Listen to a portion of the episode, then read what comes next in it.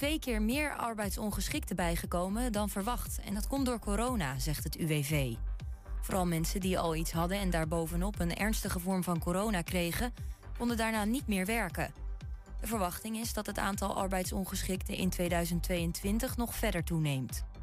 Klimaatdemonstranten hebben de aandeelhoudersvergadering van ING verstoord. Ze willen dat de bank stopt met projecten met fossiele brandstoffen. Zo'n tien mensen bliezen op fluitjes en gingen voor het podium staan waar het bestuur zat. Uiteindelijk werden ze de zaal uitgesleept. Daarna gingen ze buiten door met lawaai maken. En dan nu het weer. Vanmiddag is het bewolkt en kan het op sommige plekken regenen. In het noorden is er veel zon en het is een graad of 13. Morgen wordt het iets droger, zonniger en warmer. En tot zover het ANP-nieuws. Voordat hij de gevaarlijke klus ging doen, die zijn laatste zou worden, schreef hij een brief aan zijn familie op Aruba. Ik ben blij dat ik kan helpen. Al mijn broers en zusters, de groeten en de beste wensen. Ik hoop dat wij elkaar zullen ontmoeten in de hemel. Houd de verhalen uit de oorlog levend. Zodat we niet vergeten hoe kwetsbaar vrijheid is. Beluister de 2 minuten verhalen op 4 en 5 mei.nl. Vrijheid deel je met elkaar. Komende vrijdagavond vanaf 7 uur op dit radiostation Bata Radio. Live verslag van de Bata Race. De studenten estafetteloop van Nijmegen naar Enschede.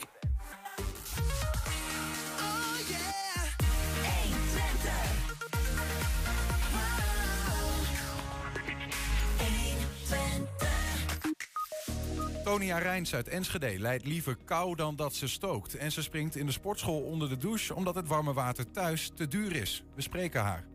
De wijkkracht in Hengelo zoekt vrijwilligers voor de opvang van Oekraïense asielzoekers.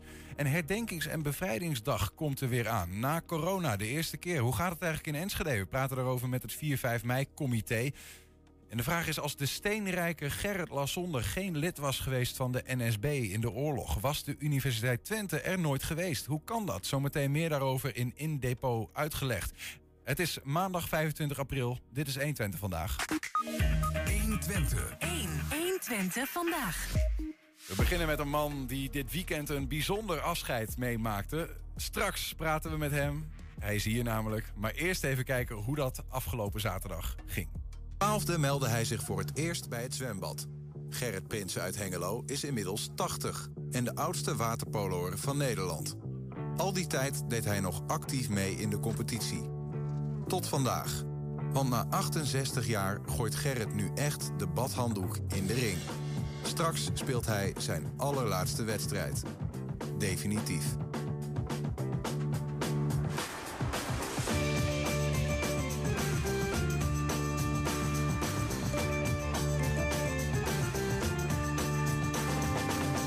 Ja, nee, definitief.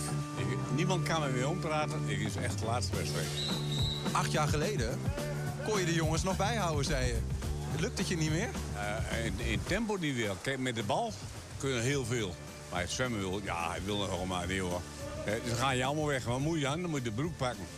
Dat ze maar niet wegkomen. En dat mag nog net weer niet. Dus eh, nee, maar dat is het probleem. Leer je nou ook nog wat bij in die laatste jaren? Nee, alleen de spelregels die veranderen bijna om de twee jaar veranderen spelen. En dat moet je bijhouden. Want anders dan doe je dingen die helemaal niet mag en dan moet je eruit. Maar verder qua polo, nee, nee, leed ik weinig bij. Ja, ik- speel, ik lig elke 65 jaar op mijn voorplaats. Dat, dat, is, dat is dus de plek. Degene die, die moet elke de goals maken. Maak je nog wel eens een goal? Ja, nee, ik heb de laatste een paar wedstrijden elke keer eentje gemaakt. Ja, nee, dat lukt nog wel. Ja, nee. Maar wa- wat allemaal minder. Dat is het hele verhaal. Een stukje terug in de tijd, toen je 12 was. Toen meldde je je voor het eerst bij het zwembad. Wat is er veranderd vanaf toen tot aan nu? Ja, maar we zijn nu eigenlijk een, een wintersport geworden. En toen was het alleen maar een zomersport. Dat is echt een groot verschil. Als het echt mooi weer is, de compet- de competitie nu afgelopen. En dat is een heel groot verschil. Buiten de spelregels om, we hebben nou uh, kunststof ballen. Toen had je een leren bal. Dat ding werd ingevet en dan moet je er maar eens in de eh, dat, dat was natuurlijk zo. Op, in een bad wat nu een visvijver is, begreep ik. Ja, ja, ja, dan, ja rustig. Altijd de visvijver hoor. Als, als je naar beneden drukt, dan ging ik naar de enkels in de blubber. Ja, dat was een tuindorp Hengelo precies zo. Allemaal van die moederbaden. Daar kun je onder water gaan, dan zag je elkaar niet, hè. Dat is het voordeel. Iedereen kan je nou in de gaten houden. Waar ga je voor vandaag? Ja, wel- voor overwinning. Een aantal punten nemen we niet, maar we, we winnen. We winnen zeker, ja. Anders vind ik mijn zwembroek op.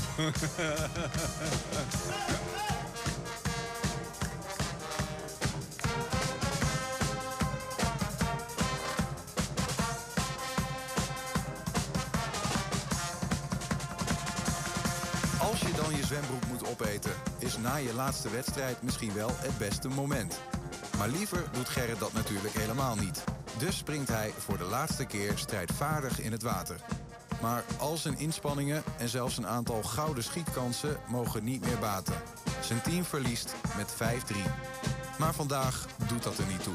En daarom krijgt Gerrit, als hij uit het bad komt, een staande ovatie.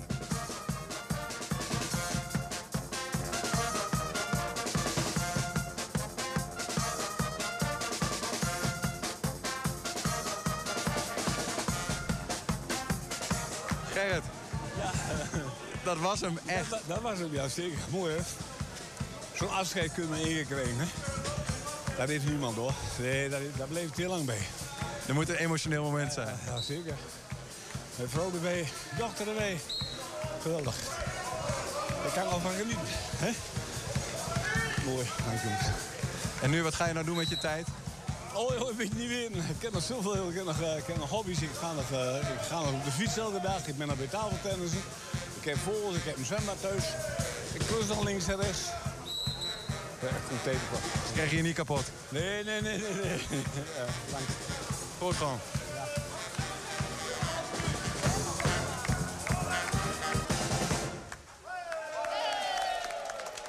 Ja, we gaan eens eh, kijken of hij inmiddels al is bijgekomen van dit bijzondere afscheid. Want Gerrit is bij ons aangeschoven. Welkom.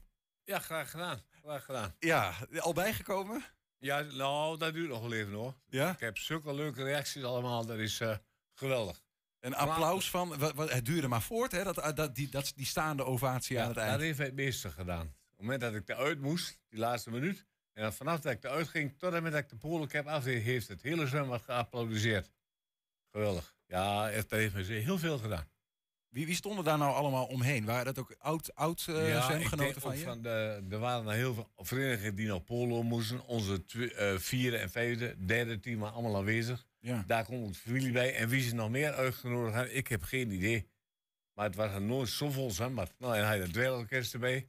Ja, geweldig. Als ik ergens weg van Normaal staan ze daar niet, het dweilorkest. Nee, nee, normaal niet. Want, eh, nee, eh, Ik zat nog te denken, het dweilorkest in het zwembad. Dat is wel had een lastig ja. verhaal, toch? Zwembad? Maar veel dweil. Zwembad hier is schoon. Ja, ja. Ja, ik echt, eh, echt eh, gek van me is van de dweilorkest.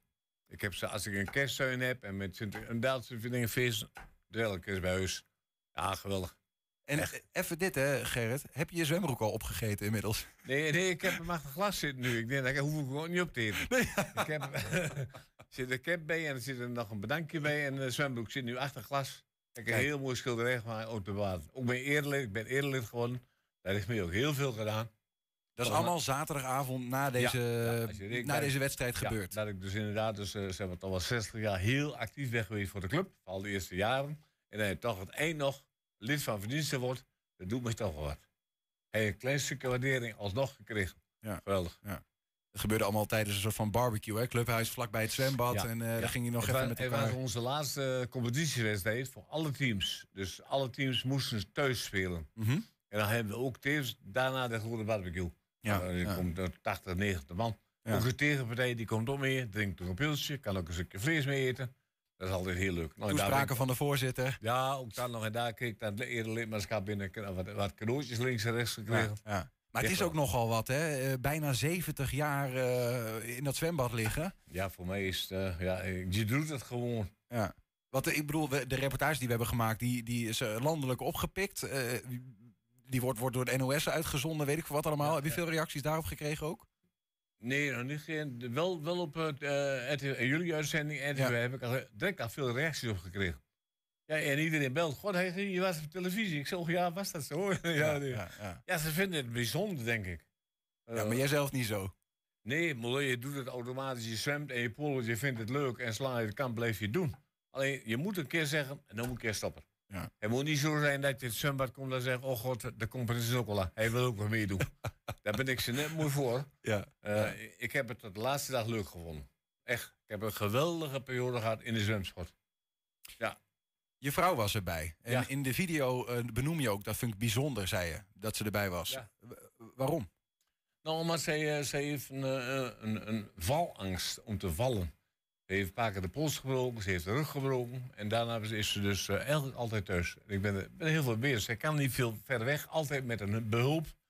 Dus zonder dat ik het wist, zit mijn vrouw daar. Ik wil uit het water komen. Uit het, en wie zit daar recht voor mij? Mijn vrouw met mijn dochter. Dat was een verrassing voor je. Ja, ja, zeker. Ik had ik nooit verwacht. Nee, nooit. Dat had mijn, mijn oudste dochter weer gedeeld. Dus ik wil het water uit. Ik moest even wisselen. Dat was van het tweede kwartje. Ja. En wie zie ik daar zitten? Zit mijn vrouw daar. Ja, dat heeft me heel veel gedaan. Echt. Ik kan het in dat water moeilijk zien, hè? Maar hij je nog een traantje weggepinkt op een zeker moment? Na die tijd wel.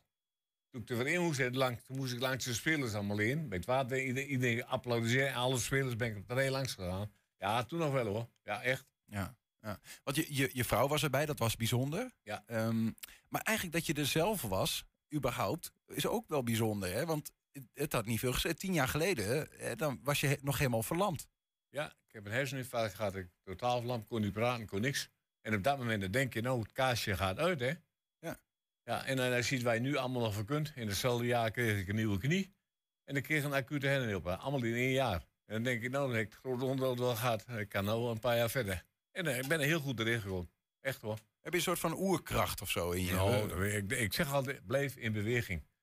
Maar ik doe wat je doet. Ik fiets, nou, ik fiets nu elke dag weer. Blijf in beweging. Ik denk dat je daar al lang voor. Maar je doet het ongemerkt. Zolang je het leuk vindt, blijf je. Ik ben er bij tafeltennis. Ik had nu moeten tafeltennis ja, op dit moment. je hebt tijd gemaakt voor Ik ons. heb helaas af moeten zeggen, dat doe, doe ik niet gauw. Als ik bij een club ben, zeg ik heel niet af. Waterpolo, als zal het een bruiloft zijn of een verjaardag. Ja, jongens, sorry, ik kom later. Ik moet eerst waterpolo. En tegenwoordig is zo voor de verjaardag. Jongens, ik ben er niet hoor, ik kan niet. Ja. Oh, dat ken ik niet. Als je bij teamsport bent, ben je aanwezig. Nou, en dat, dat is allemaal minder. Maar eh, dan voelt het als een eer dat je bij ons wil aanschuiven. Want je had anders gewoon eh ge, Ik getafeltennis. tafeltennis. Ja, ik, ja, ik en heb je afgezegd, jongens, ik kom vandaag niet, want ik moet nog in, ik moet nog in voor tv. Hoe lang doe je dat dan? Nou, dat doen we tafeltennissen? al vier jaar. Oké, dat is nog, niet- dat is nog nee, niet zo nee, lang. is lang. Elke maandagmiddag. Ja, ja, ja, ja, ja. ja. Nou ja, eh, ik zat ook te denken van, ja, het is nogal een verhaal. Je vrouw was erbij, eh, tien jaar geleden herseninfarct. eh, Er min of meer helemaal weer bovenop gekomen. Die- Althans, je kon goed meedoen met Ja, het team ja, nog. Ja, ja. Ehm, maar vorige week reed je je auto totaal los. Ja, totaal los.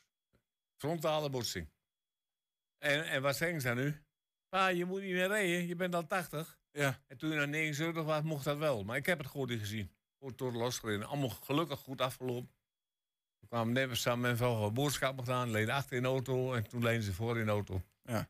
Maar het is allemaal gelukkig goed afgelopen. Engeltje op de schouder. Want je moest die laatste wedstrijd spelen. Ja, ja, nee, dat moest. Dat moest zonder meer doorgaan. Ja, Ja, nee, dat ja. En ik blijf ook donderdags trainen. Mijn trainingszaal blijft gewoon donderdag bestaan hoor. Hey, dat Weustdagbad, hè, dat, dat was dus een, een, een buitenplek. want dat is nu Ja. een visvijver. Ja, ja, ja, Hoe zat dat dan? Waar- waren in die tijd dat jij begon, hè, 1953, 54, Ja, ja.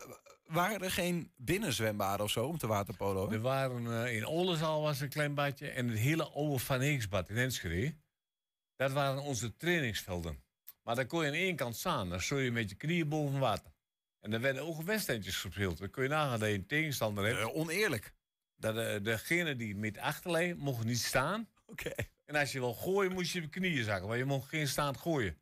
En toen hebben we daar heel vaak gespeeld hoor. Ja? En Ja, dat ging ook gewoon. Ja, ja, dat waren de eerste, enige overdekte baden. Dat was het oude Van Eekbad en het uh, Oldenzaal het zwembad. Verder was er niet wat. Ja. En we gingen daar, eh, onze, elke woensdagavond hadden we daar training. Daar ging de hele club met de bus. Maar ik ging daar hardlopend naartoe. Ik trainde mee en dan gingen we de bus weer terug. Beweging Ja, ik gewoon blijven bewegen. Maar Ik Ja. heb de Elfstedentocht gedaan in 16 uur. Ik kwam s'nachts om 5 voor 12 over. Ik heb de nacht van Parijs gedaan op Schielers. Met 20.000 man door Parijs heen s'nachts op Schielers. Ja, geweldig. Geweldig. Dat soort evenementen. Ja, ja. Je, Ja. je, ver- je vertelt over die tijd dat je, dat je in het Weustdagbad speelde. Hè, van, eh, drukte ze je gewoon onder en dan zat je met je enkels eh, in, de blubber. in de blubber. Maar ook hè, in zo'n vijver is het water natuurlijk hartstikke troebel. Ik kon daar niet zien. Dat je onder water ging en dan kon je zeg maar, jezelf ehm, nou ja, van het zicht onttrekken. Hoe gebruikte je dat dan in die Nou, tijd? heel simpel. Daar waren wij op gespecialiseerd. Als je met, met het opzwemmen, dan ging ik al onder water. Ik kon heel lang onder water. Onder water. En dan gingen we eerst een kwartje naar links van de hoek. En dan kwam ik naar boven. Ja. En als ik boven kwam, kwam de bal wel aan. En na drie keer ging ik naar rechts van de hoek en kwam ik daar weer boven. Nou, nu kun je niks meer, maar ze zien je overal gaan. Ja. Ja, je, kon, je zag Jullie spraken gewoon met elkaar af. Als ik onderga, dan moet je de bal op een gegeven moment naar links Ja, achter gooien. Drie keer en na de derde keer het rechts. Dat ging twee. Is een heel ander soort sport wordt het daarvan bijna. Ja, nee, dat was, was anders. Toen had je veel meer een contactsport als nu, hè. Die, nieuwe regels, als je elkaar iets aanraakt, word je al afgevlogen. Contact wel is wat minder. Vind ik wel jammer. Toen was een beetje rugby in het water was het toen. Dat meer. was, dat was gewoon hartstikke ja, leuk. En je ging onder, nu als je onder water gaat, ze zien precies waar je gaat. Eh, Ze zien alles. Dat, is, eh, dat is minder leuk gewoon. Hoor. Eh, heb, je, heb je ooit gedacht in die afgelopen decennia, ik stop ermee? Nee. Nee, echt nooit. Nee? Nee, nooit. Nee. Het, is, het is op zich zo'n leuk spelletje. Maar ook alleen, ja, het laatste team is wat minder, omdat wij te weinig mensen hebben. We moeten steeds wisselen en dan komen steeds vreemde mensen die komen zo een wedstrijdje meespelen. En die eh, vriendschap is daar niet in. Na dit even naar het clubhuis, dat is niet meer. Ja, ja. Ik heb altijd gezegd, we hebben ook een vierde team, heb je gezien, die grote kerels. Hm? Als ik daarin had gespeeld, had ik die al een paar jaar doorgedaan. Ja, ja. Maar het spelletje blijft leuk. ja, echt. ja, ja. Maar het moet niet zo zijn dat ze zeggen, oh god, die prins wil ook wel meedoen. Dan doe ik het niet meer. Stop het. Ik heb het nu hartstikke leuk gehad. Je hebt, je hebt een blad meegenomen, hè? Want even over teamgenoten gesproken. Ja. Daar staat een, sta je in, dat is een, een blad van eh, ja, dus zeg maar de landelijke waterpolo Ja, ja, eh, blad. Ja. En eh, daar staat een team in waarmee je ooit kampioen werd. Ja, wij zijn wel Oh, meerdere Als je hem omhoog houdt, dan kunnen we hem, kunnen we hem zien. Even, dan, zien we je. Ja, daar voor jou zit ergens een camera. Als je hem zo houdt, dan kunnen we het wel zien. Ja. De, rechts onderin zien we jou met het team. Wat is dit voor team geweest? Dat is het kampioensteam. Wij zijn daar toch al drie, vier jaar kampioen. En die coach die daar stond, Ja. dat was een vroegere werkgever. Kijk aan. Wanneer, een- welk jaar is dit? Hm? Welk jaar is dit? Ik dat moet schatten, was dat in... Ah, ik denk 85, zo Ja, in die periode. Want een aantal, eh, op een aantal van die jongens sta, eh, heb je een kruisje gezet. De zes zijn er al weg. Die zijn overleden. zijn overleden. Ja, ja. En de enige wat ik nog heel altijd herken is van Harry Denning, dat ik je toen verteld heb. Dat was een geweldige vriend en collega. Die is on- ons overleden tijdens de waterpolo. Ja. Daar heb ik eh, met een collega, met Klaas Brenn, hebben we daar dan wel twintig minuten te reanimeren in het water. Maar het was afgelopen. En daar bleef je altijd bij. Ik heb zijn startkaart nog steeds in het laadje liggen. En ik ga polen, moet water en denk, goddomme Harry, je had erbij kunnen zijn. Ja, maar van die, er zijn er zes maar weg van, het hele team. Ja. Ja, joh, iemand Ja. die overlijdt Ja, tijdens een... Dat is- kennen we met de voetbal natuurlijk ook, maar dat gebeurt Ja, met waterpolo. ja, dat lijkt ja. me heel apart als dat zo in zo'n zwembad. Ja, eh. daar zijn we met de club ook heel lang mee bezig geweest. Met, met het hele team wat erachter bleef. Hè? Maar het was wel een behoorlijke impact tijdens de wedstrijd. Hoor. Dat is eigenlijk een, een dieptepunt. Maar je kunt er al heel goed op terugkijken wat allemaal afgelopen is. Mhm. Maar verder, ik moet eerlijk zeggen, een geweldige zwemperiode. Ja hoor. Hey, als, als hoogtepunt noemde je bijvoorbeeld ook de. Je hebt als voorzitter, geloof ik, heb je de fusie geleid Ja. van de club. Dat is De, dat is de, de, de fusie tussen Z en PC Heidelberg Moeilijk- moeilijkste van mijn leven. en eh, HZC Weustdag. Die gingen samen. Ja, nee, Weursdag en HZC. HZC was het tuindorp. Oké, dat- En Weursdag was het Weursdagbad. ja, die gingen samen. Wij bestonden allemaal 50 jaar. In datzelfde jaar. En moesten we jubileum vieren. Wat zei de gemeente? Er kwam een nieuwe eh overdekte zwembad in de Hengelo uit. Zegt de gemeente, jullie mogen daarin alleen als één vereniging. Dus je moest fuseren. En ik was toen pas voorzitter. Ik was een jonge voorzitter. Heb ik dat moeten doen bij alle oud-leden die al 50 jaar dus in die club zaten. Die moest ik proberen te overtuigen. Jongens, we moeten fuseren. Heeft me een jaar gekost. En dan moeten bijvoorbeeld moet dezelfde de stemming, logo ja. en dezelfde kleuren. En, En, het- een kleur neem je. Wij heten HZPC en de andere club was HZC, maar die P moest eruit, hè? En dan eh, die P stond voor Polo. Polo. Engelse zwem- en Polo Club. Ja, ja, ja. en dan de ja. kleuren blauw of rood. Nee, moet je eens doen. Dat is heel moeilijk. Maar het is gelukt achteraf. En eh, ja, het was wel heel moeilijk hoor. En daarna hebben we allebei nog het vier- 50 jaar jubileum gevierd.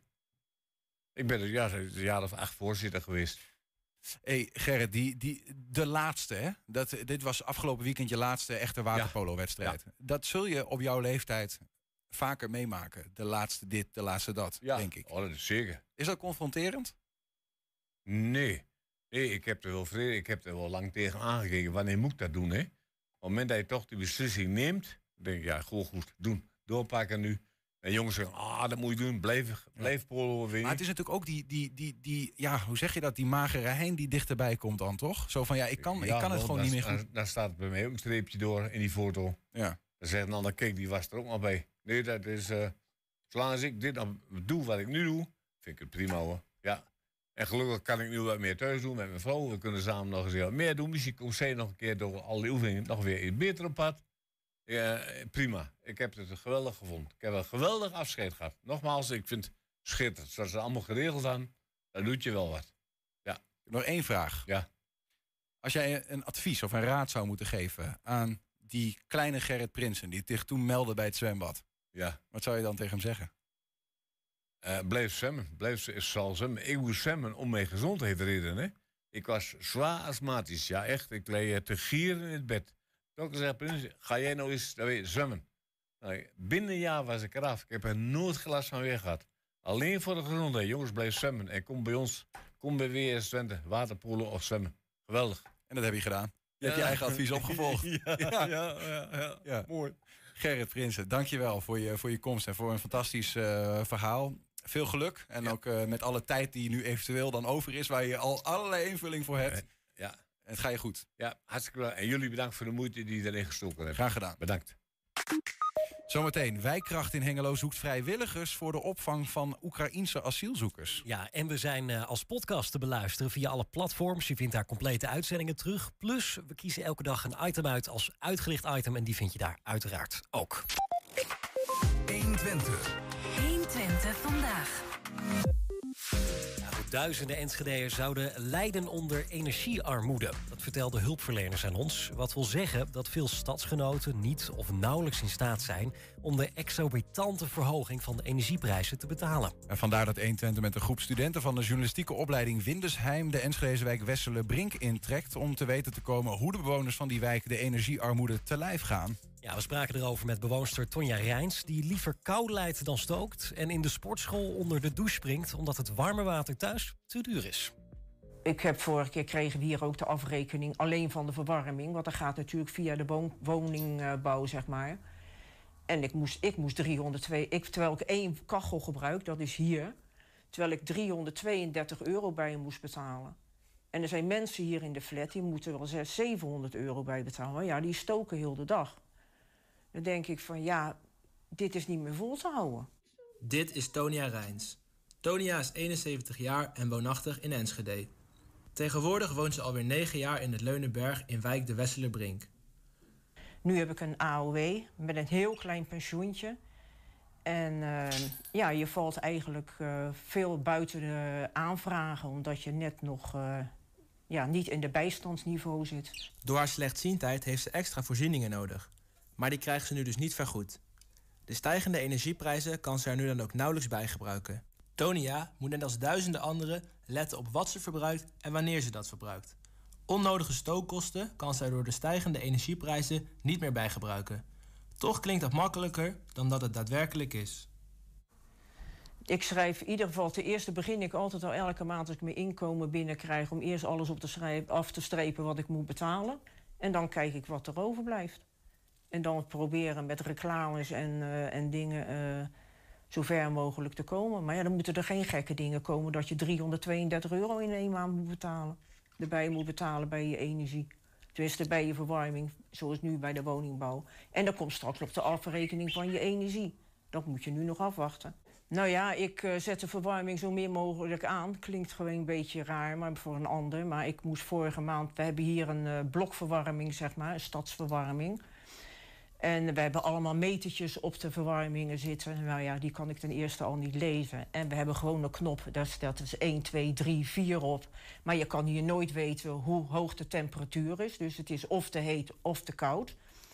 En uh, ik gebruik alleen de kamer in de wintertijd en de keuken... terwijl ik nog twee andere kamers heb. Maar daar ga ik gewoon niet zitten, want dan moet ik de verwarmingen aanzetten.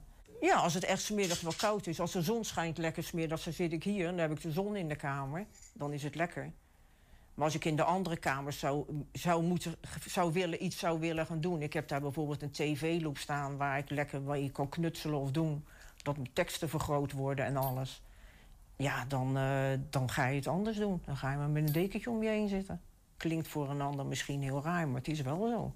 Ik douche minder. Ik zit gelukkig nog wel een beetje op de sportschool. Daar ga ik dan mee douchen. Dat is weer bezuiniging voor mezelf. Ondanks haar zuinige manier van leven zit Tonia aan het einde van de maand toch elke keer weer met de torenhoge energierekeningen. Ze voelt zich in de steek gelaten en niet gehoord. Nou ja, goed. Uh, je probeert zelf altijd al uh, op alles te letten. Met allerlei dingen. En je wordt toch een beetje op die dingen weer gepakt... omdat je een, een, een geen bijstandsuitkering hebt. Ik vind dat heel triest. Voor mezelf. Terwijl je zelf al heel goed oplet op alles wat je doet. Dus je valt er gewoon buiten. En ik ben niet de enigste natuurlijk. 120. 1. 120. Twente vandaag. De oorlog in Oekraïne die duurt nu al uh, twee maanden en het aantal vluchtelingen blijft stijgen. Ook in Twente worden Oekraïners opgevangen. Aankomende vrijdag komen de eerste 50 Oekraïense vluchtelingen in het voormalig stadskantoor in Hengelo. Alleen voor die noodopvang zijn nog allerlei vrijwilligers nodig. En bij ons aangeschoven is uh, Thijske Dekkers, is coördinator vrijwilligers bij uh, Wijkracht in Hengelo. Welkom. Dankjewel.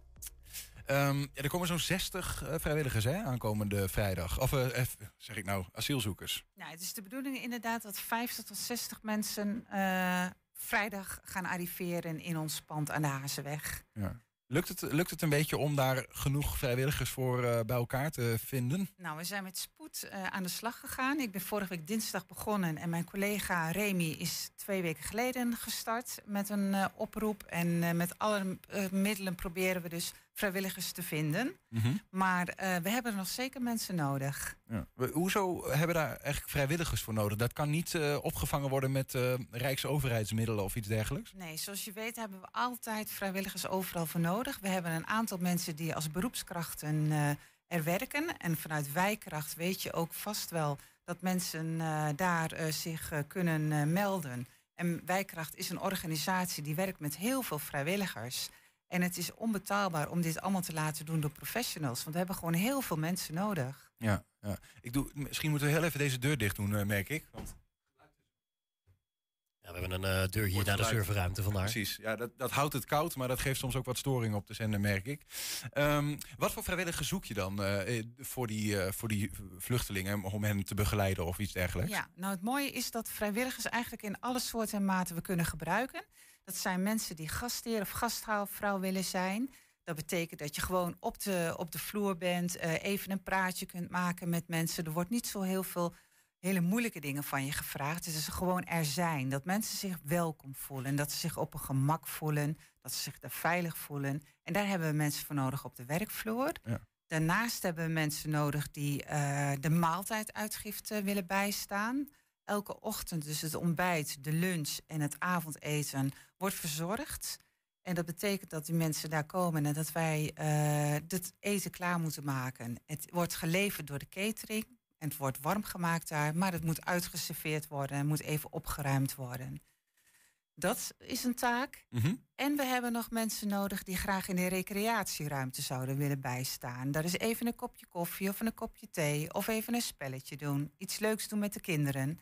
En we hebben mensen nodig die de spreekuren willen bemannen. En de spreekuren kunnen mensen komen voor info die ze graag willen hebben over iets of waar ze vragen over hebben. Ja, ja, dat is nog een hele bak aan uh, vrijwilligers ja. die je dan nodig hebt. Hoeveel eigenlijk? Ja, we hebben eigenlijk, ze gaan we richting de 100, maar we willen graag wel zo'n pool hebben van 150 mensen. Zo. En dat komt omdat de vakanties eraan zitten te komen. We hebben namelijk hè, meivakantie nu, dat is nu al gestart. En uh, we hebben straks een zomervakantie. En het is de bedoeling dat mensen toch een heel aantal maanden bij ons gaan verblijven. Zeker tot het eind van het jaar wel. Ja, dus je moet een behoorlijke tijd uh, opvullen. Ja. En dat wil je een soort van uh, ja, roosterverband doen. Hoe werkt dat ja. eigenlijk als je dan aanmeldt? Is dat, dat is, neem ik aan vrijwillig, maar niet helemaal vrijblijvend, toch? Dan kom je dan in een soort van werkschema terecht? Nou, we gaan uh, werken met tijdblokken. Dat betekent ook dat je dus als vrijwilliger je meldt... je niet een hele dag onder de pannen zit bij ons. Je kan nu s morgens een, een tijdblok werken van 7 tot 11. En dan zit je namelijk rondom de ontbijt gebeuren. En er is een blok van 11 tot 3 een blok van 3 tot 7 en eentje van 7 tot 10. En dat is eigenlijk wel leuk, want dat betekent dat je vier uurtjes wat kan doen. En dat is van maandag tot en met vrijdag en van zaterdag tot en met en zondag natuurlijk, het weekend ook. En dan ben je er vrij vlot ook weer vanaf. Ja, ja. En doe je dan verschillende, want je beschreef net een x-aantal taken. Doe ja. je dan ook verschillende taken of heb je zoiets van, nou, je wordt op één zo'n taak gezet en daarvoor kom je? Nee, nou, er zijn mensen die geven een bepaalde voorkeur. Die willen zeggen van, ik wil eigenlijk alleen maar liefst de maaltijdsuitgifte doen. Maar er zijn ook mensen die zijn van alle markten thuis. En dan gaan we wisselen. Hè. Je, je bent toch met een aantal vrijwilligers op de vloer. Dus je kan elkaar ook een beetje afwisselen daarin. Die vrijheid is er. Zo'n 100 tot 150 mensen zoek je. Hoeveel heb je er eigenlijk al? We naderen de 100. Oké, okay, oh, je bent al goed op weg dus. Ja. Waarom doen die mensen eigenlijk mee? Waarom zou ik uh, dit doen? Dat is heel variërend. Er zijn pensionada's die zich aanmelden. Die zeggen van, ja, ik heb wel wat uurtjes over... en ik wil heel graag wat betekenen voor uh, de maatschappij... en onze samenleving in Hengelo. En er zijn mensen, eh, jonge mensen van 18 tot met uh, ja, dertigers, die zeggen van goh, ik kan naast mijn werk of naast mijn studie best een paar uurtjes wat gaan ondernemen en een bepaalde creatieve activiteit gaan doen met kinderen. Ja. Het is wel lastig lijkt me, want die, uh, die Oekraïense mensen die spreken niet altijd, en volgens mij vaak niet, Engels. Um, ja, de Nederlander spreekt over het algemeen geen Oekraïens. Ja. Hoe, hoe werkt het eigenlijk? We maken gebruik van tolken. We hebben ook inmiddels al een aantal mensen die kunnen tolken en vertalen. Die zelf uh, uit Rusland komen en nu in Nederland wonen. Maar ook mensen die gewoon uh, professioneel tolk zijn. En uh, veel jonge mensen uit Oekraïne spreken Engels of Duits. Die kunnen toch wel goed Engels spreken. Dus dat is dan geen probleem. Ja, ja. En er zijn allerlei handige apps en trans ja, vertalingmogelijkheden wel online. Die waar je gebruik van kan maken. En kinderen kun je heel makkelijk ook met handen en voeten uh, iets uh, duidelijk maken. En die leren heel snel Nederlandse woordjes. En als het gaat om, om een stukje achtergrond, hè? want uh, moet je een diploma hebben of wat dan ook als je meedoet, of, of ergens in geschoold zijn, kan me ook voorstellen dat een vluchteling begeleiden, ja, die mogelijk een oorlogstrauma heeft, soms ook wel ingewikkeld is. Hoe gaat dat eigenlijk? Mm -hmm. Die professionele kant gaan, doen wij niets mee. Dat betekent als er echt problemen gesignaleerd worden, en dat is wel een functie van, van een vrijwilliger, hè, dat je ziet van hé, hey, die loopt er niet meer lekker bij, die zit niet lekker in zijn vel. Uh, of je merkt dat iemand helemaal zijn kamer niet afkomt, dat je daar dus kenbaar maakt en dat dan mensen uh, geholpen worden daarbij. En een luisterend oor is vaak al heel erg belangrijk. Dus je hoeft niet een professionele achtergrond te hebben om vrijwilliger te zijn. Wat wel belangrijk is, vrijwilligers tekenen een contract bij ons. Dat betekent dat je buiten uh, niet over uh, de mensen praat. Hè. Er is dus een privacy, de AVG werkt natuurlijk. En van alle vrijwilligers wordt gevraagd een VOG, een verklaring omtrent gedrag. Dan kom je daar, uh, je, je, helpt hier of daar mee. Um, wat, wat, wat gebeurt er dan eigenlijk in zo'n ruimte? Hè? Anders gezegd, hoe ziet een dag van een vluchteling er eigenlijk uit? in zo'n stadskantoor bijvoorbeeld? Nou, zo'n vluchteling bepaalt dat zelf. Hè? Die is gewoon vrij om te gaan en te staan wat hij wil. En uh, eerste weken zullen mensen eerst willen landen. Die hebben tijd nodig. We weten niet waar ze vandaan komen. Sommigen hebben natuurlijk een hele reis achter de rug. Die hebben rust nodig. De kinderen kunnen meteen naar school. In het pand hebben we namelijk op de vierde verdieping uh, tien lokalen waar les gegeven gaat worden aan de kinderen. Dat is ook voor de kinderen die nu in de gemeente Borne wonen en de gemeente Hof van Twente.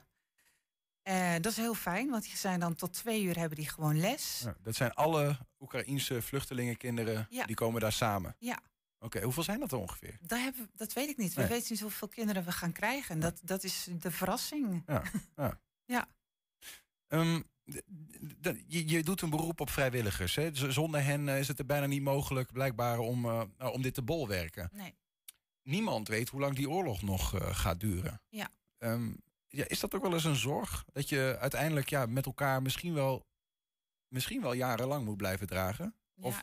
dat, dat weet je niet. Hè? Ik bedoel, dat kunnen we nooit uh, voorspellen. En uh, laten we hopen dat voor deze mensen een, een gauw een eind komt. En deze mensen zullen toch heel graag weer terug willen naar hun eigen land. Mm -hmm. Zodra het mogelijk is, gaan de meesten meteen ja. terug naar Oekraïne. Maar je noemt wel een soort van um, verwachte einddatum voor wat betreft het stadskantoor. Dit, dit jaar, zeg maar, eind dit jaar. Of, of is dat uh, fluïde? Nou, in ieder geval heb ik uh, tot eind dit jaar uh, mijn contract. Dus dat betekent dat het eind dit jaar dit gewoon loopt. Voor, voor, en, maar het, waarschijnlijk gaat het doorgezet worden. Want je gaat mensen niet zomaar op straat zetten. Ja, ja, dus er zullen mogelijk, als het zo lang het duurt, um, ja, vrijwilligers nodig blijven. Ja. ja. Ja. Hoe verwacht je dat het zal gaan de komende uh, tijd vanaf vrijdag? Ik ben uh, heel enthousiast en uh, ik ben heel blij dat er al heel veel vrijwilligers zich gemeld hebben. Want zonder vrijwilligers zouden we helemaal niet kunnen functioneren. En uh, daar ben ik heel blij mee en moet eigenlijk heel dankbaar zijn dat er zoveel mensen zich al gemeld hebben. En het is een hele enthousiaste groep. Dus als je een paar uurtjes hebt, kom alsjeblieft en meld je bij ons. En, Via, hoe moeten ze dat doen, mensen? kunnen ze naar het servicepunt uh, vrijwilligerswerkhengelo.nl uh, kijken. Ze kunnen wijkracht de, de, receptie bellen. En ze kunnen mailen naar, nou ja, mijn mailadres is onder andere t.dekker.wijkracht.nl. Kijk, meld je aan als je ja, nou ja, geenthousiasmeerd bent ook door dit verhaal. En nee, ik kan me voorstellen dat, je, dat het je horizon verbreedt in ieder geval. Ja. Um, Thijske Dekker, dankjewel voor deze oproep. En succes vanaf vrijdag. Dankjewel. Oh, dat was uh, het knopje, sorry. Uh, is mij ook weer een tijdje geleden, Niels. Hey, goed, uh, als de steenrijke Gerrit Lassonder geen lid was van de NSB in de oorlog... was de Universiteit Twente er nooit geweest. Zometeen meer erover in In Depot uitgelegd. 120. 120 vandaag. Hoe herdenkt Enschede op 4 mei de doden? En hoe viert de stad de vrijheid de dag erna? Corona lijkt geen bedreiging meer. Er kan dus volop bij elkaar gekomen worden. Hoe 4 en 5 mei eruit gaan zien in Enschede, dat gaan we horen van uh, Rachel Dennenboom, voorzitter van het lokale 4-5 mei comité. Rachel, welkom. Dank je. Ja, je bent vrolijk. Ja. Het kan weer. Ja. ja. Ja, ik moest vanmiddag nog terugdenken aan uh, ja, dat ik hier zeg maar twee jaar geleden ergens in maart zat en tegen jou zei ja, mm, nee, dat was wel uh, anders. Dus nee, helemaal fijn. Ja. Ja, Alles wat was de gekke tijd wat dat betreft. Ja, precies. Ja, nee, nee. Wat, hoe, hoe belangrijk is het dat, dat je dit soort dingen, herdenken, vieren, dat je dat fysiek met elkaar doet? Dat is heel belangrijk. We hebben natuurlijk de afgelopen twee jaar echt wel gezegd... laten we samen op afstand herdenken. Toen hebben we in ieder geval het herdenken uh, deels door kunnen laten gaan. Uh, zit ik niet goed, Niels? Nou, zo is het. Uh, door kunnen laten gaan. omdat dat echt wel iets is wat je in ieder geval met met, met een aantal mensen om je heen zou moeten kunnen doen. Uh, samen op afstand herdenken. Maar het fijne is dat we nu weer gewoon samen met z'n allen in het Volkspark kunnen herdenken. Dus uh, ja, dat is heel belangrijk. Ja. En nood breekt wet. Dus ja, natuurlijk hebben we dat de afgelopen twee jaar allemaal, niet alleen wij als comité, maar gewoon alle mensen in Nederland zo goed mogelijk geprobeerd te doen. Maar uh, samen herdenken is belangrijk.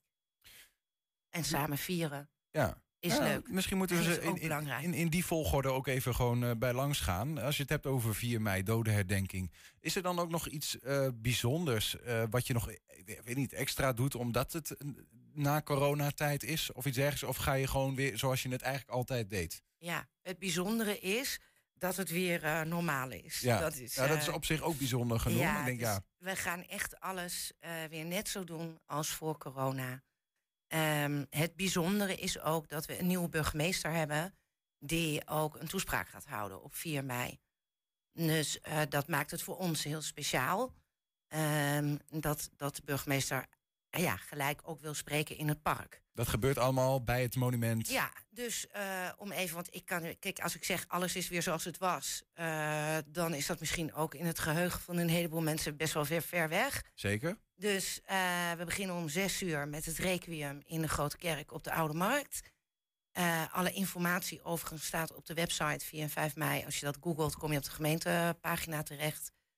Um, en een stille tocht vanaf het Ei van Ko, vanaf het stadhuis, naar het Volkspark toe. Start om zeven uur. En dan in het park inderdaad uh, samen herdenken, samen twee minuten stil zijn. Uh, luisteren naar uh, de toespraak van de burgemeester, maar ook naar bijvoorbeeld een gedicht van Niels van den Berg, onze junior stadsdichter, kleine Niels. Ja. En um, uh, en, en daar met z'n allen ook weer uh, kransen, bloemen kunnen leggen voor wie dat wil. En ja, weer bij elkaar zijn om stil te staan bij uh, onze slachtoffers van de Tweede Wereldoorlog en daarna. Die, voor, voor Niels van den Berghoos, de junior stadsdichter, is dat dan een van de e eerste keren dat hij echt in het openbare iets gaat doen, denk ja, ik. Of niet? Ja, ja, ja, hij is ook in de uh, gemeenteraad geweest bij de installatie van de nieuwe gemeenteraad. Daar was hij ook. En, en ja, ik denk dat dit daarna zijn eerste grote uh, ja.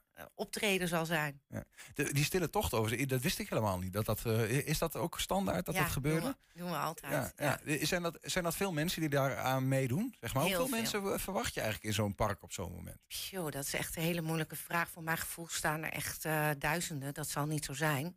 Maar er staan wel honderden. En wat ik, wat ik mooi vind om te zien, is dat ik ook steeds meer kinderen en jeugd zie. Uh, die uh, komen naar 4 mei. En die, ook, uh, die, die, hebben ook een speciale plek gegeven in de hele herdenking. Hè? Dus met het leggen van de kransen. Het is altijd een bepaalde volgorde. Eerst legt de burgemeester. En dan legt Defensie. Dan legt de politie. De Joodse gemeenschap. maar ook kinderen en jeugd apart Mhm. als groep. En daarna pas politieke partijen en alle andere organisaties. Maar zij zijn belangrijk. Ja. Want hoe cliché ook, maar zij zijn wel de toekomst. En zij zullen dit eh, straks onder andere van mij moeten overnemen. Ja. Ja, er zullen ook kinderen zijn die misschien eh, eh, hun, hun eerste gedachten nog hadden in pre-corona-tijd. Weet je wel, die, nou, die, laat ik zo zeggen, die niet weten wat ze overkomt. Van wat gaan we nou met elkaar beleven hier. Dus dat is ook, ook gek, dat als de tijd heeft stilgestaan de afgelopen tijd. Ja. Ehm, heb je een gevoel eh, of, het, of het dit jaar een beetje al aan het leven is, of moet dat nog komen? Ehm, nou, ik denk dat, dat 4 mei altijd in het systeem zit van de meeste Enschede'ers. Eh, wat nog wel moet komen is dat het allemaal weer kan. Dat merk ik wel. Ik krijg echt wel vragen bij het comité binnen van is er eigenlijk een stille tocht en is er eigenlijk een herdenking? En eh, dus dat is belangrijk om hiermee te geven, ja, die is er. Eh, dus ik denk dat dat wel door corona komt. Dat merkte ik ook gewoon in mijn eigen comité. Van, oh ja, hoe deden we dat Ja. ook alweer? Dat Ja. ook wel even weer schakelen. Daar waar we de laatste twee jaar schakelden van... wat kunnen we doen, was het nu, hoe deden we het ook alweer? Even de oude de, de Ja. stof van de draaiboeken eh, blazen. En voor 5 mei is het echt, eh, denk ik dat het nog niet zo in de systemen van mensen zit. Omdat toen, toen het niet meer kon in 20 was het 75 jaar vrijheid. Was het iedereen vrij, want dat om de vijf jaar is iedereen vrij. In die tussenliggende jaren niet iedereen. Mhm. Dus ik denk dat dat echt nog eh, niet goed genoeg bij mensen leeft. Ja. Komen we zo op, op die, op die bevrijdingsdag. Ik zit even te denken aan als het gaat om dodenherdenking. We leven natuurlijk in, in een aparte tijd, dat het is wel na corona. Maar we hebben te maken met een oorlog in Oekraïne... die voor veel Nederlanders voelt als dichtbij. Ja. Ehm, heeft dat nog een bepaalde rol? Of, of moet eh, wat, wat jullie betreft als comité... Nou ja, die oorlog losstaan van de dodenherdenking in Nederland? Nou, ik denk dat dat niet helemaal kan. Want ehm, het zou zelfs maar zo kunnen zijn dat wij eh, inmiddels mensen die uit Oekraïne zijn gevlucht hier hebben en die misschien zelfs wel meegaan na de herdenking. Eh, dus nee, dat, dat kan je denk ik niet helemaal loskoppelen. Belangrijk is wel dat wij op 4 mei Nederlandse slachtoffers herdenken. Dus het, het kan ook niet zo zijn dat die hele herdenking ineens in het teken staat van. Maar je ontkomt niet aan de actualiteit. Net zo goed als we n- aan de actualiteit van, nou ja, dat wil zeggen de afgelopen twee jaar, niet omheen konden. En, en, en nou, dit, wie de toespraken eh, van de burgemeester in de afgelopen jaren heeft gevolgd. En, en ook ik in mijn kleine deel probeer altijd aandacht te besteden aan de actualiteit. Ja, ja. Dat kan ook niet Om anders. het eh, naar het nu te trekken, om te kijken wat de betekenis van zo'n dodenherdenking op een dag van vandaag Ja, is. Zeg maar. Zeker. Ehm, eh, bruggetje naar die dag daarna. Dat is altijd een be- toch ook wel een beetje gek, hè? Herdenken, bevrijden. En toch past het ook heel dicht eh, bij elkaar. Wel heel mooi. Ik heb jou dat vaker gevraagd. Ik weet dat je daar vrij fel in staat. Maar die bevrijdingsdag eh, die- zal misschien voor sommige mensen nu extra lading hebben. Omdat corona soms wat onvrij voelde. Ehm, gebeurt daar nog, zeg maar. ehm, nou ja, zit, er, zit er nog wat extra druk op de fles die er nu in één keer afgaat? en dat de bevrijdingsdag nog een ander tintje krijgt of iets dergelijks? Eh, nou, wat we. De, nee, mijn eerste antwoord is natuurlijk nee. Hè, want eh, je zei zelf al, ik sta er altijd heel veel in. En eh, we vieren onze vrijheid. Maar dat staat los van wat we samen hebben meegemaakt de afgelopen twee jaar. Ehm, wat wel zo is, dat wij dit jaar voor het eerst een soort. eh, nou, noem het een soort van try-out gaan doen. Om te kijken of wij voor jongeren wat kunnen aanbieden. En dat deden we eigenlijk altijd alleen voor de groep van laten we zeggen 0 tot 12. En daarna deden we niet. Dus, eh, en daar hebben we nu gezegd, laten we nou eens kijken of we ook voor die groep tot een jaar of 17 iets kunnen organiseren in het Volkspark. eh, waardoor zij een beetje een festivalgevoel krijgen. Dus er is muziek, er is een DJ. eh, er zijn wat, wat workshops speciaal voor jongeren. Die houden we echt ook uit elkaar. Want anders dan nou ja, is natuurlijk niet cool om met Nee. een kind van drie met Lego te zitten spelen. Dat begrijp ik ook. Ehm, maar we willen toch voor die groep nu proberen wat aan te bieden. En dan gaan we daarna kijken of dat zo'n groot succes is... dat we dat misschien in de komende jaren wel zelfs kunnen gaan uitbouwen. Dus dan krijg je overdag een feest voor kinderen en, en jeugd. Ja. En dan krijg je s'avonds een wat groter bevrijdingsfeest ergens. Nee, Niels, was dat maar waar. Oh. Eh, dat, eh, eh, ja, dat kan. Hè. Even onze collega's op de UT. Daar kan je s'avonds echt goed feest vieren. Mhm. Vanuit het comité hebben wij alleen een programma van 12 tot 6. En hebben wij altijd alleen de middelen om eens per vijf jaar, in die bijzondere jaren, groots uit te pakken. ja, ja, ja. Dat zit natuurlijk nog in jouw systeem. Want Ja. dat zou Ja, in nee, soms 2020 inderdaad gaat het gebeuren. toet, toet. Ja, nee, dat zou ook met 75 jaar vrijheid zou dat gebeurd zijn. Hadden we een heel mooi avondprogramma.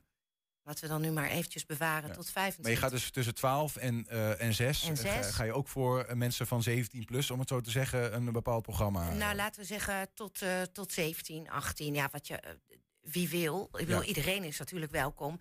Maar het programma is ingericht op kinderen en jeugd. Nou ja, daar ga je echt op focussen dit jaar. Ja, en ja, we focussen altijd daarop. Maar altijd tot een jaar of twaalf. En ehm, die focus gaan we nu verdelen over ook eh, jongeren. Maar even, want ik weet niet of ik het goed begrijp. Hè. Kom- Komt er dan voor, voor, voor mensen van mijn leeftijd, ik ben 32 inmiddels, eh, is, er, is er nog iets van een programma vanuit het eh, comité op, Nee. op 5 mei? Nee. Is dat niet gek? Ehm, nou, dat is eigenlijk, nou, dat is misschien wel gek. Of, Ja. nou, gek weet ik niet, is misschien jammer. Ehm, maar dat, ja, dat heeft ook te maken met onze historie, maar ook met onze financiële middelen. Ja, oké, dus maar goed, wij ja. zijn in staat om dit te organiseren. En eh, dat- jij, ja, ik, ik moet jou helaas laten gaan naar de UT. Ja, ja, precies. Nee, maar de- dan is dat maar gezegd. Op zich eh, nou ja, zou ik denken van... Hè, als je bevrijdingsdag met elkaar wil koesteren... en ook die vrijheid wil vieren... dat het op zich niet gek is dat er wat tegenover staat. Dat je dus een budgetten ik hebt als comité, toch? Helemaal met je eens. Het zou om te beginnen ook fijn zijn als iedereen vrij is. Ja. Eh, ik weet niet eens of jij wel vrij bent. Ehm ja, goede Eh, vraag. Ik denk het niet namelijk. Nee, ik, ik denk het ook niet. Want als het niet... één keer in vijf jaar is dat de officiële feestdag. Ja. Maar ja, goed, s'avonds eh ben ik vrij. En dan kan, zou ik dus eventueel bij de UT een feestje Ja. kunnen doen. Maar dat is een feest wat in ieder geval niet vanuit jullie als... Laat ik zeggen, gesubsidieerde club eh, Nee, georganiseerd nee, nee, nee, nee. Wij zijn een comité vanuit de gemeente. Eh, eh, de gemeente heeft dit comité in het leven geroepen. Het is eigenlijk het comité van het college, dus van de burgemeester en de wethouders, die aan mensen uit de, uit de samenleving vragen van, willen jullie dat voor ons organiseren? Ja. En die vrijwilligers, daar ben ik er één van. En eh, die organiseren en die krijgen geld vanuit de gemeente. En op de UT is het een commerciële organisatie. Daar moet je volgens mij ook gewoon kaartjes voor kopen om daar naartoe te gaan. Maar die groep, zeg maar tussen 12 en 18, die mag daar volgens mij weer niet naartoe. Precies. En daar zijn wij ingesprongen en hebben gezegd: laten we nou eens kijken of we daar iets voor kunnen organiseren. In het Volkspark. In het ehm, Volkspark. En dat is een ook heel nieuw, als Ja. ik dat nog mag zeggen. Want wij waren natuurlijk altijd in het centrum. Maar omdat de groep nu ineens groter wordt... ehm, hebben we gekozen voor het Volkspark. En ook omdat het, het, ja, het Volkspark is natuurlijk... We zijn wel op 4 mei. Het Volkspark past eigenlijk ook heel erg goed bij ons. En het Volkspark wil zelf ook heel erg graag het Volkspark zijn. Dus voor iedereen. Dus eh, wij zijn heel blij dat we bij hen terecht kunnen. En zij zijn heel blij om een evenement als Vrijheidsfestival in het Volkspark te kunnen organiseren. Dus 5 mei, eh, alle Enschedeërs tot ongeveer 17. Eh, maar twee gescheiden feestjes, kinderen en jeugd apart. En die kunnen daar eh, de vrijheid vieren op een soort van festival wat jullie gaan organiseren. Precies. Ja, leuk. Ehm, dank voor het bijpraten. Weet ik ook weer wat nieuwe dingen. En eh, nou ja, wat mij betreft eh, krijgen jullie gewoon meer middelen om ook voor nog oudere mensen een vrijdienstfeest te organiseren elk jaar. Rachel Denneboom, dankjewel, voor je Dankjewel. komst. Goed, heb jij ook een, eh, een leuk idee waarvan je denkt... die moet ik even onder de aandacht brengen? Dat kan. Een tipje aan onze redactie. Geef het door via info.120.nl 120. 1. 120 vandaag. Ja, goed en fout. Dat waren in de jaren na de Tweede Wereldoorlog best wel duidelijk. Veel fouter dan lidmaatschap van de NSB kon het eigenlijk niet. Gerrit Lassonder, een Enschedeer not notabele en politicus, was een foute man. Hij overleed in 1944. Ja, reden voor de Nederlandse regering om Gerrits weduwe, een geboren Duitse, maar genaturaliseerd, haar staatsburgerschap en alle bezittingen te ontnemen destijds. Een klein deel daarvan ligt opgeborgen in kartonnen dozen in het depot van Rijksmuseum Twente. En daar kleeft een bijzonder verhaal aan.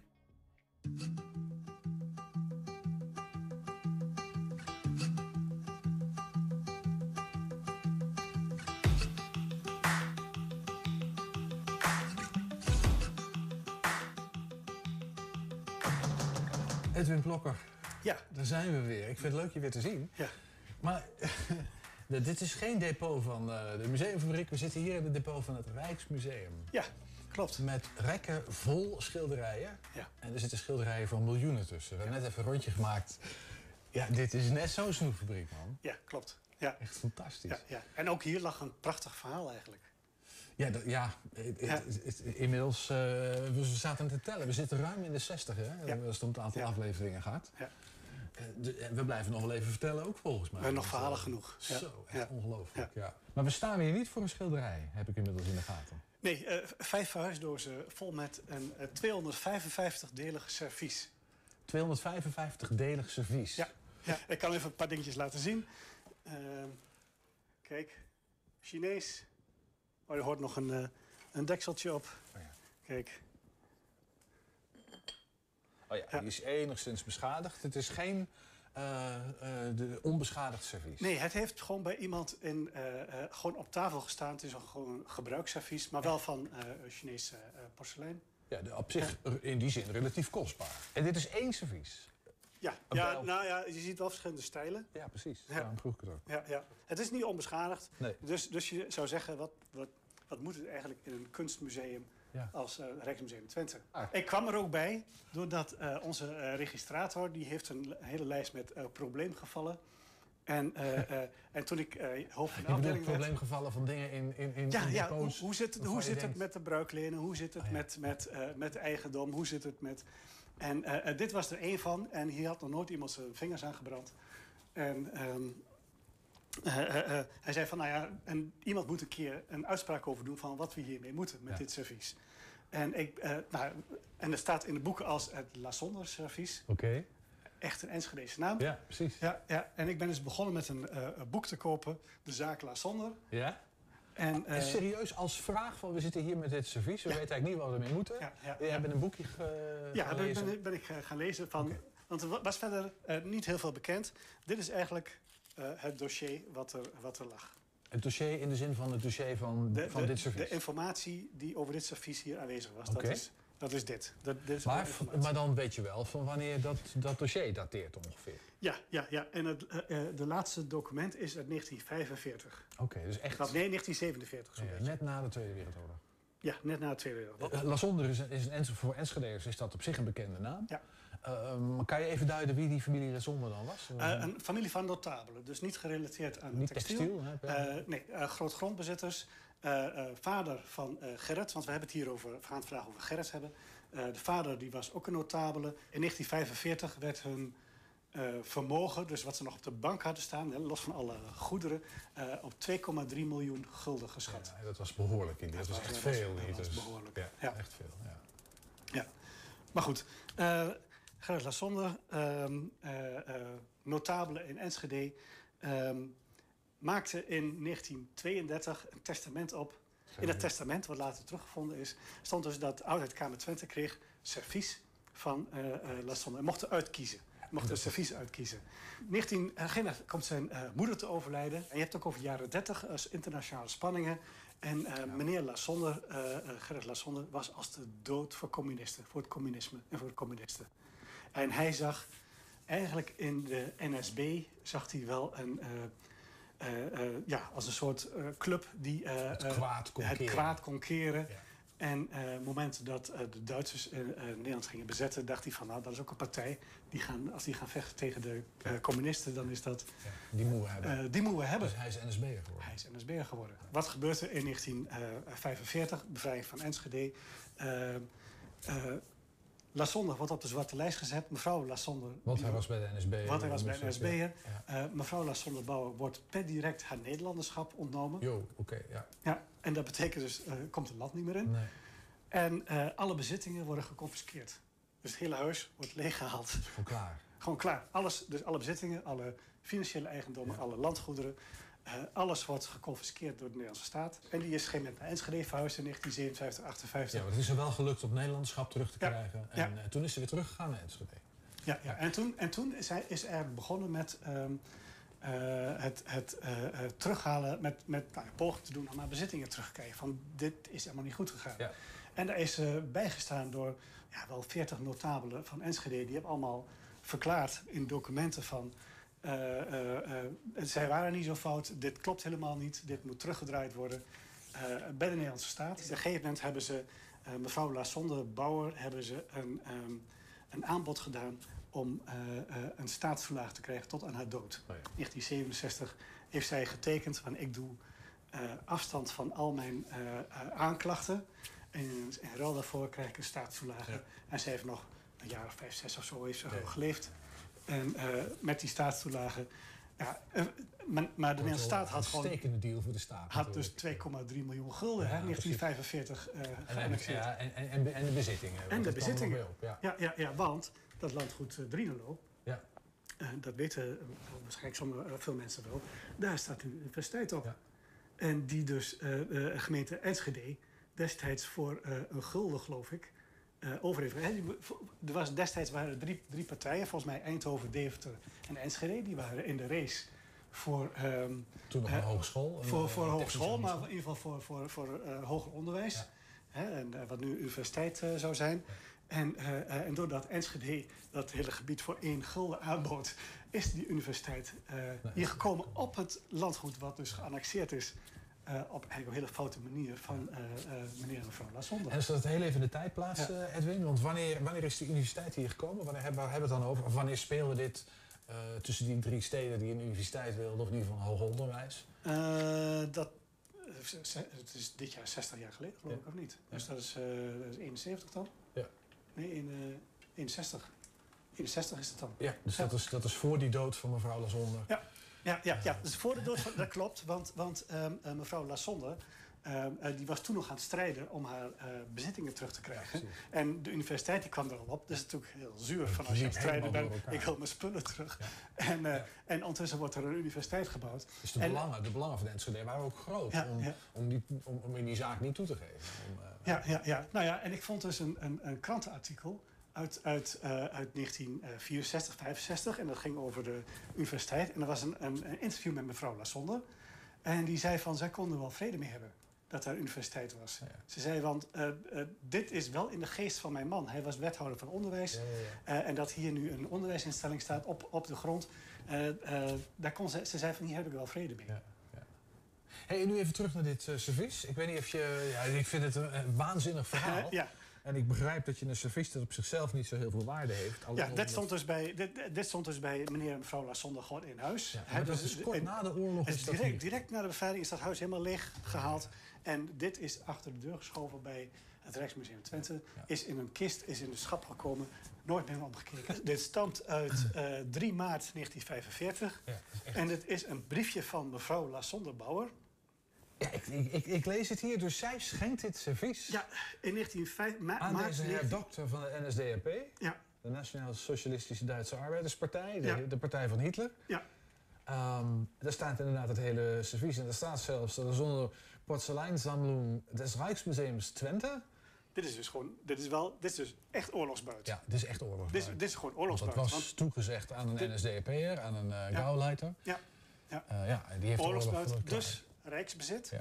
Dus het hoort hij thuis bij Rijksmuseum Twente. Ja, precies. Dus Ja. dat is een beetje... Dus toen kon jij gerust slapen. Dus van, nou ja, dit, Ja. dit mag bij ons blijven staan. Dit is, dus, dit is nu dus duidelijk. Dit is, dit, het, het, het, het is, het is rijksbezit. Ja. Prachtig verhaal. Ja, echt. En dit is echt weer zo'n... nou Ja, dit duik je, op- dit- dus dit heeft al die jaren op zolder gelegen en niemand wist hiervan. Ja. En eh, wij hebben het nu wereldkundig gemaakt, eh, Edwin. Ja. Ja, fantastisch. Ik ben, het is gaaf, dankjewel. Graag gedaan. Na de oorlog was het uh, dominee-verzetsheld Leendert Overduin... die zich het lot van Gerrits weduwe Anna-Christine Lassonderbouwer aantrok. Hij vond de onteigening van haar bezittingen onrechtvaardig. Zo fout waren de Lassonders helemaal niet geweest. Sterker nog, Lassonder had Overduin in de oorlogstijd geholpen. Anna-Christine die uh, kreeg haar het Nederlanderschap terug... en een staatstoelage tot haar dood. De bezittingen van Lassonder waren en bleven eigendom van de staat. Was dat niet zo geweest dan had de Universiteit Twente niet bestaan... en dus ook haar 60-jarige bestaan dit jaar nooit gevierd. Oei. Goed. Dat was hem alweer voor vandaag. 120 vandaag. Terugkijken, dat kan direct via 120.nl. En vanavond om 8 en 10 uur bij ons op televisie. Zometeen hier Henk Ketting met een nieuwe kettingreactie. En ik zeg tot morgen. Tot morgen. Twente. Weet wat er speelt in Twente. Met nu het nieuws van 5 uur. Goedemiddag, ik ben Eva Vloon. Stations in het midden en westen van Oekraïne zijn aangevallen. Dat het Oekraïense spoorbedrijf. Er zouden zeker vijf mensen zijn omgekomen en 18 anderen raakten gewond. De aanvallen gebeurden allemaal binnen een uur. Eerder deze maand werd een station in Kramatorsk geraakt door een raket.